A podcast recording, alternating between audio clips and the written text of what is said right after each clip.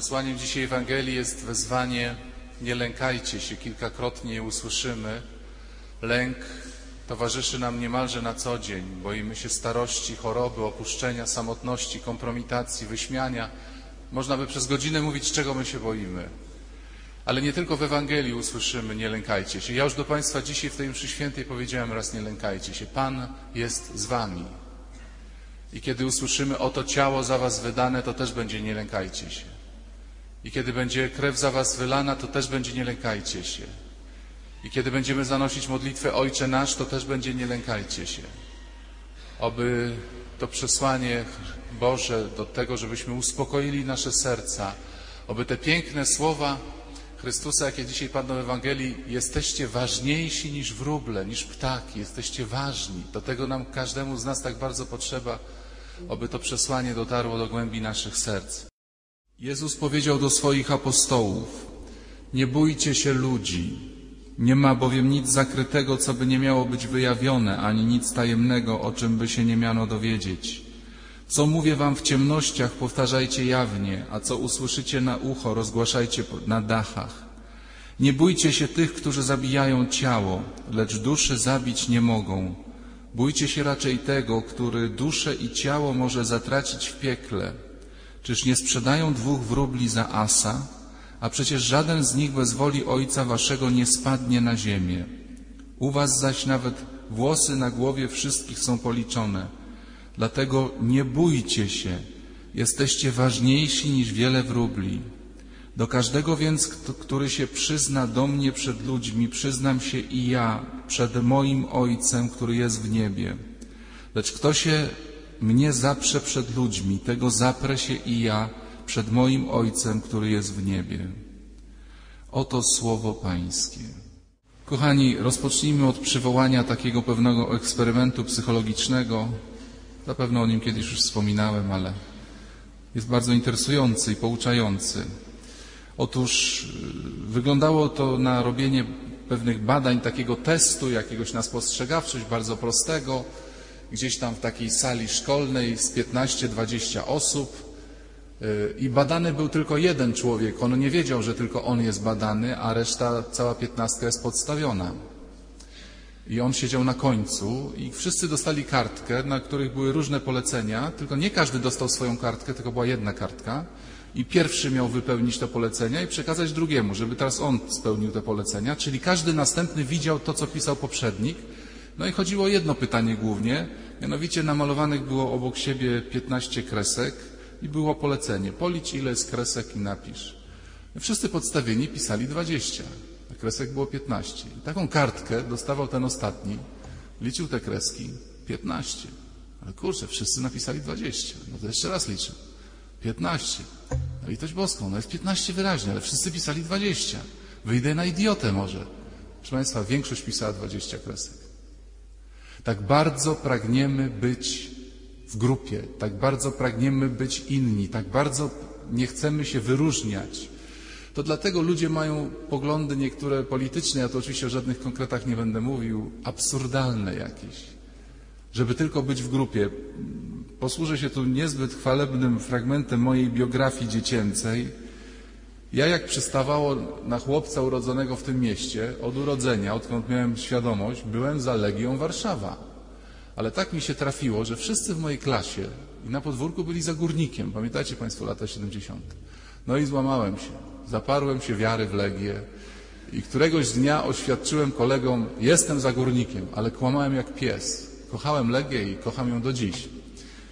Ale po prostu miałem już dość tych kłótni. Ciągle mi mówili, ty głupku, ta Legia, ten Dejna, ten Gadocha to do kitu, Lubański, Sołtysik, to są piłkarze. Ja się po prostu poddałem. Kosztem prawdy, bo ja kłamałem w żywe oczy, że jestem zagórnikiem. I potem wróciłem oczywiście do wierności temu klubowi piłkarskiemu. Kochani, nikt z nas nie chce być na aucie. Nikt z nas nie chce być dziwakiem, samotnikiem, odludkiem. Chcemy być we wspólnocie. Chcemy być doceniani, lubiani i dlatego boimy się ludzi, że oni nas odrzucą. Że usłyszymy to takie, chciałoby się powiedzieć, sakramentalne, co słyszeliśmy w dzieciństwie, spadaj mały. Masz tu kolegów? To spadaj stąd. To jest przerażająca informacja, którą niektórzy słyszą nie w tej formie, może w, już w okresie dorosłym. Nawet kosztem prawdy. Jesteśmy zaplątani w kłamstwo, ciągle to powtarzam wam i sobie. Zaczęło się to od raju, kiedy szatan właśnie przyszedł i podważył to, co dzisiaj Chrystus do nas powiedział kilkakrotnie. Nie lękajcie się, jesteście ważni. Nie jesteście ważni, bo wam nie dał jednego drzewa, bo wam nie dał jednego owocu. Nie jesteś ważny. Dzisiaj to samo przychodzi do nas w słowach. Nie jesteś ważny dla Boga, bo nie idą sprawy tak, jak sobie wymarzyłeś. A więc widzisz, nie jesteś ważny. Co tam Eucharystia, co tam Pismo Święte, co tam Golgota? Ty masz swoje marzenia. Gdyby Cię kochał, to by Ci dał wszystkie jabłka Twoich marzeń.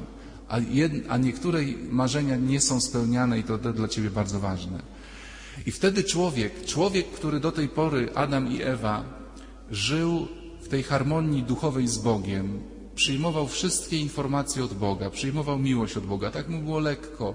I w tym momencie, przeklętym momencie grzechu pierworodnego, zrodziło się, zrodziła się nowa tożsamość człowieka, którą można by nazwać troska o to swoje, o to moje ja. I to od razu się przejawiło, kiedy Bóg mówi Adamie, coś, coś dlaczego zjadłeś owoc. To nie ja, to Ewa, to ona, to moje ja jest w porządku, ja jestem okej, ona jest nie okej. A Ewa mówi, nie, nie, ja jestem okej, to, to wąż jest nie okej, to wszystko jest jego wina. Ile dziennie w Polsce i na świecie pada słów, to nie moja wina, to nie ja, to brat, to moja siostra, to, to politycy, to, to ksiądz, księdza wina, to ciągle mamy obsesja, te radary nasze pracują, jak ja wypadam, co o mnie mówią, jak ja się prezentuję. Przestaliśmy wierzyć, że o to wszystko zabiega Bóg, że On nam to wszystko daje i zaczynamy obsesyjnie starać się o to swoje ja, o, o to swoje. Ja przyznam Wam, kochani, że z roku na rok, z miesiąca na miesiąc, kiedy o tym myślę, czytam i rozmawiam z ludźmi, Kochani, my o pysze to wiedzieliśmy wszyscy, że ona jest, no każdy z nas ją w sobie widzi, że się nieraz popisuje, chwali i tak dalej. Ale jak, jakie ona może przybrać rozmiary, to się w głowie nie mieści. I do czego ona może doprowadzić? To troska o moje ja. Ona może doprowadzić do tragedii. Posłużę się przykładem. Chyba tego przykładu nie było. Wielu z Was na pewno oglądało, to jest klasyka kina, Odyseja Kosmiczna 2001 Stanleya Kubricka film. I tam jest taki bardzo ciekawy epizod. Kosmonauci lecą w kosmos, gdzieś tam na jakąś bardzo daleką planetę. Na pokładzie jest bardzo nowoczesny komputer, taki komputer, że oni się nim porozumiewają ustami, wydają polecenia komputerowi słownie, bez klawiatury. I w pewnym momencie lot trwa i komputer mówi do nich, zepsuł się moduł, jakiś tam moduł na statku kosmicznym, jest awaria modułu. Więc oni idą, sprawdzają ten moduł, a moduł jest dobry. Więc oni mówią, komputer, coś żeś się pomylił, moduł jest dobry, a komputer mówi, zgłaszam powtórnie awarię modułu takiego a takiego. Oni mówią, co jest grane. Idą, jeszcze raz ten moduł wyjmują, sprawdzają, moduł jest dobry. A potem moduł się nagle psuje. I oni zrozumieli, komputer, to już jest taki science fiction wyższej, wyższej technologii, chciał się popisać przed kosmonautami, że on przepowiedział zepsucie się modułu, a potem sam go zepsuł. Kochani, ja zaczynam z przerażeniem widzieć, że to działa wśród ludzi. Żona mówi do męża, zobaczysz, rozwiedziemy się. Będziesz się tak zachowywał, to się rozwiedziemy. On mówił, spokój się, bo takie głupoty gadasz, tam się rozwiedziemy. Zobaczysz, że się rozwiedziemy, bo ta twoja matka to tak psuje w tym naszym małżeństwie, że się rozwiedziemy. O, już daj spokój, przecież trochę żeśmy się posprzeczali, to się przeprosimy. A potem dochodzi do rozwodu, ona do niego doprowadza i mówi, a nie mówiłam? Ha! A widzisz? Proszę Państwa, zwróćcie uwagę na taką radość, yy, nie, no, przepraszam, głupi przykład, ukradli samochód. I mąż przychodzi i mówi, Gdzieś zaparkowała. Mówiłem ci parkuj na parkingu, ale no żona się tłumaczy. A nie mówiłem? Haha, ukradli nam samochód, widzisz? A ja mówiłem, że ukradną samochód. Jesteśmy gotowi rozwalić małżeństwo. Jesteśmy gotowi wejść w grzech, żeby tylko było moje. A nie mówiłem? A nie mówiłem, proszę księdza, że mnie ksiądz nie wyciągnie z grzechu masturbacji? Haha, już trzy lata temu mówiłem, że ksiądz mnie nie wyciągnie. Przychodzę do księdza, ksiądz mnie nie wyciągnął. I wiecie, co jest jaka jest tragedia?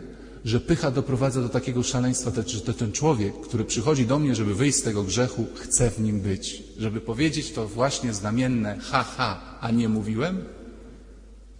Ktoś powie, to jest absurd. Rozwalić małżeństwo po to, żeby pokazać, że ja mam rację? Zostać starą panną czy starym kawalerem, żeby wszystkim pokazać, ja od dzieciństwa wiedziałem, że jestem pokręcony i ze mnie żadnej żony ani męża nie będzie. Proszę księdza, ksiądz mówi absurdalną rzecz. Kto się na to zgodzi? Pycha jest szalona. Jak pycha jest szalona, to my widzimy w przypadku Lucyfera. To był piękny anioł, Lucyfer. Oglądał Boga i wybrał śmierdzące wieprze i śmierdzące piekło tylko dlatego, żeby móc powiedzieć, a ja nie będę Bogu służył, a ja. Pycha prowadzi, naprawdę to, co kiedyś Wam Państwu powiedziałem, wielu ludzi woli cierpieć niż spokornieć. Wielu ludzi woli bardzo cierpieć niż spokornieć. Problem polega na tym, że to wszystko dokonuje się w naszym sercu. Bardzo głęboko. My ciągle jesteśmy w błędzie, że my wszystko wiemy, co myślę, co robię, co postanawiam, dlaczego tak myślę, dlaczego tak postanawiam. Nie, kochani. Serce, jak mówi katechizm Kościoła katolickiego, jest to głębia naszego jestestwa, gdzie Bóg, człowiek odpowiada się za Bogiem lub przeciw Niemu. Każdy z nas na dnie swojej osoby ma takie miejsce, gdzie musi z kimś rozmawiać. To miejsce zostało stworzone do tego, żeby Bóg w głębi serca rozmawiał z Bogiem. Ktoś powiedział, że duchowość człowieka to jest taka ambasada dla Boga. W naszym człowieczeństwie mieszka Bóg z niebios. Tylko, że do tej ambasady może wejść fałszywy ambasador, który się nazywa demon. Wejdzie oczywiście ze starą śpiewką. Bóg cię nie kocha, musisz się troszczyć o siebie, twoje ja jest nic nie warte. Pokaż ludziom, pokaż światu, sprzeciw się Bogu. My tego nie słyszymy. Ten dialog dokonuje się w nas w głębi serca, poza rozumem. Jeszcze przeczytam fragment katechizmu Kościoła katolickiego. To jest najwyższy autorytet nauki Kościoła. Serce jest mieszkaniem, gdzie ja przebywam, prawdziwe moje ja. Jest naszym ukrytym centrum, nieuchwytnym dla naszego rozumu, ani dla innych. Jedynie Duch Boży może je zgłębić i poczuć. Jest ono miejscem decyzji w głębi naszych wewnętrznych dążeń. Jest miejscem prawdy, w którym wybieramy życie lub śmierć, albowiem nasze życie ukształtowane na obraz Boży ma charakter relacyjny. Musi, jesteśmy z kimś na dnie serca w relacji, albo z Bogiem, albo z demonem. I to dlatego wielu ludzi żyje w obłędzie jakimś autodestrukcji, alkohol, narkotyki, wykańczanie się pracą, prawda? Ktoś ma 100 milionów na koncie, a chodzi chory, bo wczoraj stracił 500 złotych. Ktoś mówi, stary, weź się wyluzuj, no, na 100 milionów zgubiłeś 500 złotych i ty chodzisz wściekły, a on chodzi wściekły. Autodestrukcja. I ta decyzja jest podjęta w, w głębi naszego serca. To jest poza naszym zasięgiem. Kochani, jeszcze raz się odwołam do młodości. Yy, słynna nasza epopeja narodowa, stawka większa niż życie. Pamiętam, jak mi mój kolega mówił, że jak oglądał ten serial, to cały czas czekał, że w którymś odcinku pokażą tą słynną centralę. Bo Klos cały czas słyszał, centrala prosi, żebyś sfotografował. Słuchaj, powiadą centralę, centrala ci nakazuje, centrala się nie zgadza i cała była centrala, nigdy jej nie pokazali przez całą stawkę. Otóż masz taką centralę z której przychodzą do ciebie rozkazy w środku i nigdy jej nie widziałeś. Jeśli w tej centrali usiadł twój wróg i nadaje rozkazy do ciebie, on cię zniszczy. A rozum to są, wiesz, dzieci, bajeczki, to tu się wszystko wymyśli. Pamiętajcie, możesz rozumem mówić, nie chcę pić, Boże, chodzić od psychologa do psychologa, niech mnie Pan wyciągnie z nałogu alkoholu, a z środka przychodzą rozkazy zniszcz się gorzałą. I się niszczy, bo my te rozkazy z głębi serca wykonujemy. To jest tak nieprawdopodobnie niebezpieczne. I dlatego jest zagadka zła. Pamiętam, jak mi kiedyś jeden pan mówił, proszę księdza, jak ja jestem zdziwiony do dziś, jak byłem małym chłopcem, miałem trzy latka i chorowałem. Moja mama, najukochańsza mamusia na świecie, dobra, czuła i tkliwa, Opiekowała się mną, przychodziła do łóżka, poprawiała mi kołdrę. I ja mówiłem, mama, daj mi tą książkę Kot w butach, Mama mi dawała tą książkę Kot w butach, a ja mówiłem, po coś mi dała kota w butach? Nie chcę tej książki, weź ją sobie. Proszę księdza, we mnie w trzylatku było czyste, sadystyczne zło. Ja chciałem mojej matce sprawić największą przykrość, jaką mogłem. Mama mówiła, syneczku, przecież sam chciałeś, żebym ci dała kota w butach. Zabierz tą książkę, po co mi ją dałaś? Małe dzieci, dwuletnie, trzyletnie, potrafią być okrutne, okrutne i sadystycznie okrutne. I w nas to też nieraz bywa. Jesteśmy niby chrześcijanami, no mamy jakieś grzeszki i nagle się tak zachowamy. Komuś taką szpilę władujemy po, po prostu po głębie serca. To jest to. To jest to. Potem oczywiście te rozkazy z centrali przechodzą przez emocje, przez różne zakłamania i tutaj już mamy, tak jak mówię, wersję oficjalną i my się często boimy ludzi, że nas zdemaskują. Ten system, ten system produkcji naszych, zafałszowywania naszych, naszych poglądów.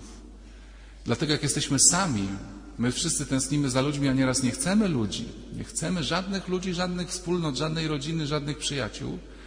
Dlatego, że w samotności jest o wiele łatwiej się oszukiwać. To, co Jezus mu wam powtarzałem często, wysyłał ludzi po dwóch, żeby nie zdemaskować.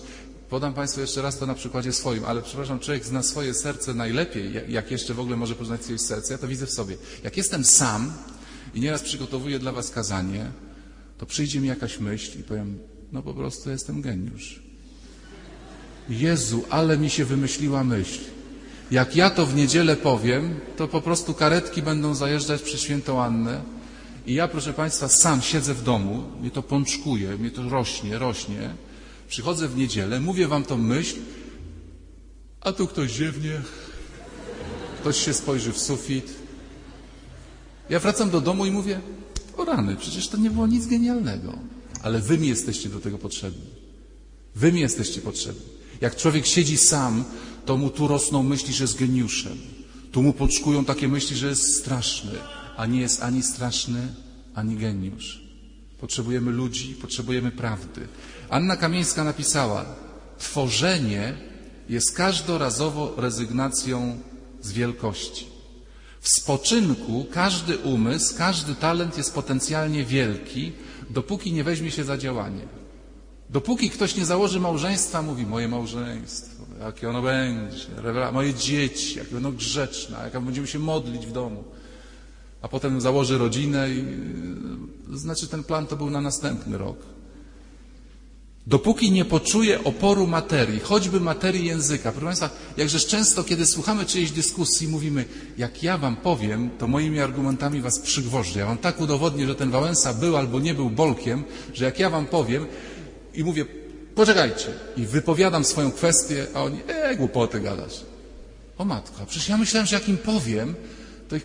Dopóki nie powiesz, dopóki nie ruszysz. Pracowałem kiedyś w zespole księży w duszpasterstwie i mieliśmy pomysły. Bardzo często przy śniadaniu, przy obiedzie ktoś mówił, ja uważam, że powinniśmy zrobić taką pielgrzymkę, ja uważam, że powinniśmy zrobić takie czuwanie, ja uważam, że powinniśmy znaleźć gazetkę. I w końcu nasz przełożony powiedział tak, cieszę się, że macie pomysły, od dzisiaj panuje taka zasada, kto daje pomysł, ten go realizuje. Ilość pomysłów spadła o 80% natychmiast. Robimy gazetkę? Proszę bardzo, to ty jesteś odpowiedzialny za zrobienie gazetki. Co, pielgrzymkę mówisz, żeby zrobić? Dobrze, ty załatwiasz autokary, dzwonisz do domów pielgrzyma, posiłki. My wszyscy jesteśmy wielcy. Jak jesteśmy sami z naszymi myślami, jesteśmy, jesteśmy wielcy. Samotność sprzyja marzeniom, dlatego Chrystus mówi: To, co słyszycie na ucho, rozgłaszajcie, mówcie, Konfrontujcie to z innymi ludźmi, konfrontujcie to z obiektywną, z obiektywną sytuacją. Po grzechu Bóg woła, Adamie, gdzie jesteś? Wiecie o co to jest pytanie? To jest wołanie, gdzie jest Twoje najgłębsze ja? Z kim ono gada? Czy ono przypadkiem nie gada z szatanem? Czy szatan nie zatruwa Ci Twojego ja? Czy nie, nie, nie, nie podejmujesz działań autodestrukcyjnych, żeby Twoje ja było na wierzchu, żeby pod koniec życia powiedzieć, no i co? Całe życie mówiłem, że mi nie wyjdzie. I nie wyszło. Ha? Widzicie? Wielu z nas się naprawdę szczyci, że im nie wychodzi. Wielu z nas, ja to czuję, przychodzi z dumą, proszę księdza, znowu zgrzeszyłem. No i co? I co, proszę księdza? No niech ksiądz się zmaga teraz. Oczywiście wersja oficjalna jest smutek, tragedia. Jest ta satysfakcja. Chcemy być wielcy. Często szatan nas stawia przed wymyślonym audytorium. Wielu ludzi, zapytajcie, zadajcie sobie to pytanie, żyje przed wymyślonym audytorium, przed którym się popisuje, przed którym gra. Scenka ze spotkania towarzyskiego w ostatnich dniach. Małżeństwa, ludzie świeccy, kawka, piwko, jakieś tam ciasteczko i rozmowy. O czym? Jedna pani, i zeszło na Mistrzostwa Europy w piłkę nożną. Jedna pani mówi, ja uważam, że oni powinni mocniej kopać. Mąż mówi, przymknij się, ale naprawdę tak bardzo niegrzecznie nie powiedział. Przymknij się kobieto, nikt nie ma ochoty słuchać twoich analiz. Przepraszam was, ona się jak odezwie. A ona mówi, czekaj, czekaj, ja, i powinni bardziej kopać i nie tak przy aucie, bo wtedy im piłka wypada. Tylko powinni kopać na środku. On mówi, słuchaj, naprawdę był wściekły, bo on co widział? Moja żona popełnia towarzyskie harakiri w tym momencie. Wszyscy patrzą na nią i na mnie, jej męża, jak na skończonych idiotów, więc on chciał przerwać to, co widział, a oni mówią, słuchaj, stary, nie denerwuj się. Ona, ona mówi sensownie. Polacy nie mieli, nie mieli strzału. A atakowanie skrzydłami często jest bez sensu, trzeba iść środkiem. Czy nie, jak twoja mama zaczyna coś mówić przy księdzu, przy ludziach, jak twoja mama zaczyna coś mówić w towarzystwie, czy nie masz ochoty powiedzieć, mama przymknij się, nikt nie ma cię ochoty słuchać w ogóle. Proszę Państwa, ilu ludzi przychodzi do mnie i naprawdę zaczyna monolog, niech będzie pochwalony Jezus Chrystus na wieki wieków, amen. Wiem, że ksiądz mnie uważa za idiotkę. Od razu. Ona ma przede mną audytorium, ja siedzę tak z taką tablicą, cześć idiotka. Dlaczego normalni, wykształceni ludzie? Ona jest zakłamana. Centrala jej przysyła ciągle meldunki, raz na 15 sekund. Jesteś beznadziejna i zobacz, jak ksiądz się z ciebie w tej chwili śmieje, nabija, w ogóle nie ma czasu i męczy się tutaj z tobą na tej rozmowie. Kochani, to jest może być tajemnicą, dlaczego ci się w małżeństwie nie poprawia, dlaczego się nie możesz modlić, dlaczego jesteś sam czy sama, dlaczego nie ma, są kłopoty z czystością. Przepraszam za brutalność, bo ty tego w głębi serca chcesz, bo cię to szatan ustawia. I teraz trzeba zejść do głębi serca. Po, ale rozumem tam nie zejdziesz. Rozumem tam nie zejdziesz, mówi katechist, to jest poza rozumem. Słowo Boże tam dociera. Dzisiaj Chrystus powiedział, nie bój się, Włosy na Twojej głowie są policzone. Nie jesteś idiotka, nie jesteś idiota. Jesteś dla mnie bardzo ważny. Yy, rozum tę prawdę zna, ale Twoje dowództwo tutaj tego nie wie. Jak tam wejść? Przypominam, to co w nas siedzi, możemy poznać po snach, odruchach, marzeniach, rozproszeniach na modlitwie. Proszę Państwa, jestem przekonany, że nie jeden z Was już na tej mszy świętej miał rozproszenie. O czym myślałeś?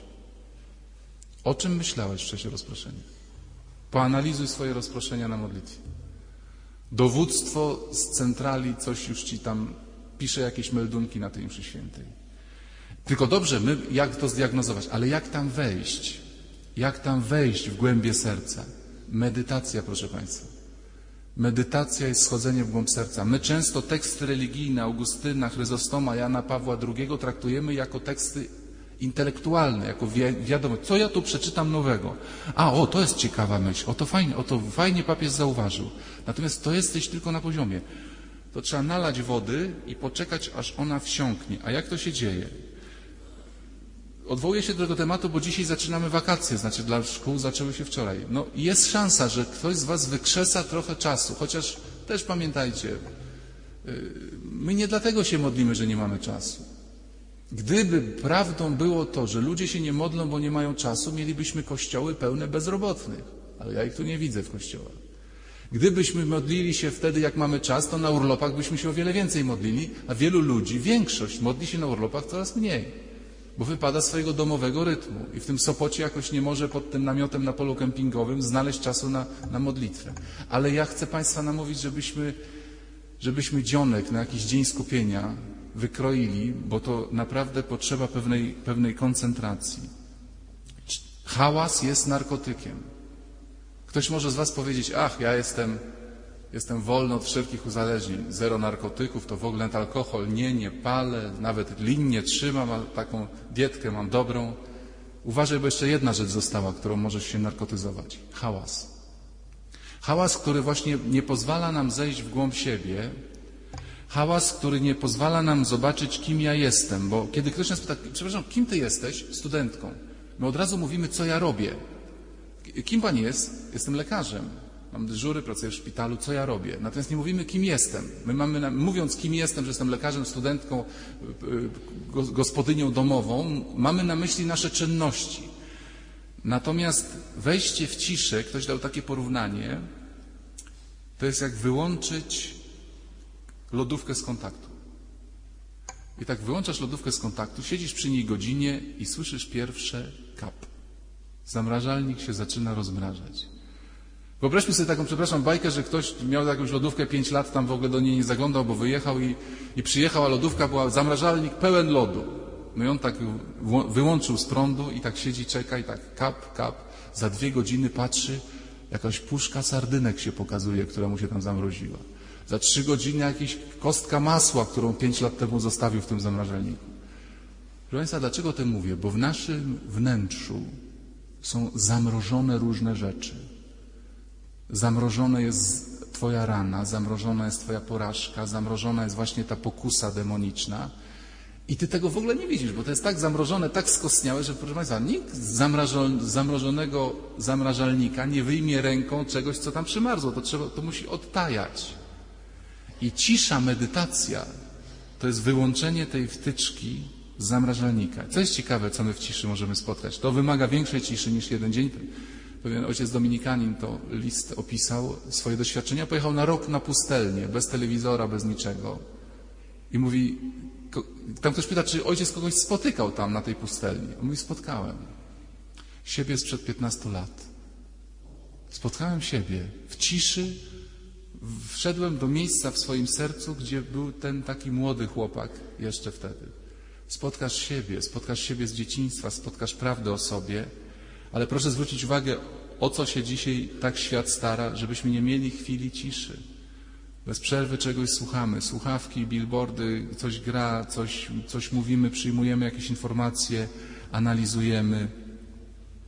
I na koniec powiem o tym, że jeśli uda Wam się zdobyć trochę ciszy, to, to modlitwa, która polega na przeżuwaniu Słowa Bożego, na wchłanianiu Słowa Bożego. Jedzenie trzeba zjeść, nie wystarczy go tylko powąchać, czy, czy jeszcze mniej y, przeczytać kartę Danii. Proszę Państwa, księga psalmów w oryginale to jest księga oddechu. Czym oddychasz, tak żyjesz. Jak ci dmuchnie samochód rurą wydechową, to zaczynasz się dusić przez pewien moment. Jak wejdziesz do pokoju, gdzie jest duszno, to cię głowa rozboli. Natomiast kiedy obudzisz się przy otwartym oknie, gdzieś tam na Mazurach, w górach, rześkie powietrze, to ci się chce wstać. Czym oddychamy duchowo, to też taki jest nasz duch. Dlatego wielcy mistrzowie życia duchowego mówili, że Pismo Święte ono nie jest do czytania takiego tylko intelektualnego. To, to, to też, żeby dostać pewne informacje, ale do oddychania. I proszę sobie gdzieś spróbować taki dzień skupienia zrobić w lato, żeby znaleźć jakiś cytat w Piśmie Świętym. Chodź choćby Jezusie, Synu Dawida, ulituj się nade mną i pooddychać nim z 15 minut. Na wdechu Jezusie, Synu Dawida, na wydechu ulituj się nade mną. Zamknij oczy, usiądź luźno i pooddychaj tym 15 minut. Jezusie, Synu Dawida, ulituj się nade mną. Jezusie, Synu Dawida, ulituj się nade mną. Zobaczysz. Bo my chcemy wiedzieć, my chcemy rozgryźć intelektualnie. My jak już coś czytałem, to już nie ma sensu, bo już to czytałem. W naszych ludzkich relacjach też Głaszczemy się wielokrotnie, powtarzamy te same słowa, patrzymy w oczy, jesteśmy ze sobą, dotykamy się. Nie po to, żeby przekazać jakąś informację. Żadnej informacji ci nie chcę. Chcę Ci tylko dać jedno doświadczenie. Jestem tutaj. Jestem z Tobą. My od Pana Boga ciągle oczekujemy jakąś informację, to co Wam często mówię, proszę księdza, niech mi ksiądz da jakąś radę. Żebym ja się czegoś dowiedział i według tego tej nowej wiedzy zadziałał. Nie. Bóg ci chce dać doświadczenie i dlatego trzeba pooddychać Jego słowem. To mogą być dwa słowa. Mój Bóg. Na wdechu mów mój, na wydechu Bóg. I 15 minut pooddychaj. I ten mój Bóg skapie tam, gdzie ty nie masz rozumem wejścia, gdzie rozumem nie, nie dosięgasz. Bo powtarzam jeszcze raz, Inaczej nie dojdziemy do, tego, do tej centrali, do tego miejsca decyzyjnego, a ono może nam zniszczyć życie i rozbić życie. Nasza pycha mo- może oszaleć. Jakbyśmy naprawdę szaleńca w domu trzymali. Wielu ludzi ma w sobie szaleńca. Romanse, jakieś pornografię, jakieś dorobianie się, jakieś y, niszczenie rodziny. No oszalałe rzeczy robią, bo w środku siedzi szaleniec. I, jego, I do niego trzeba zesłać te treści Boże. Przez rozum nie wejdzie. Z całego serca życzę Państwu, żeby ten czas wakacji gdzieś jak jesteśmy w górach, nie tylko bez przerwy, wycieczka za wycieczką, ci tacy wyczynowcy jadą w góry po to, żeby zaliczyć tych szlaków, wrócić do Warszawy, powiedzieć 13 dni byłem, a 17 szlaków zrobiłem, prawda? Po co, po co? Właśnie pójść w góry, gdzieś usiąść na jakiś ładny widok i pooddychać Bogiem, pooddychać. My się nieraz tego boimy, proszę Państwa. My się nieraz tego boimy. Co tam się, jak odłączę ten prąd i ta lodówka mi się od, odmrozi, co ja tam zobaczę? Co ja tam zobaczę, co, jest, co, było przez tyle lat we mnie zamrożone, a z czym pozornie mogłem walczyć? Nie bójcie się, nie lękajcie się. Jesteście dla mnie ważni. Szukajmy w medytacji tych słów, by nimi nakarmić swoje serce.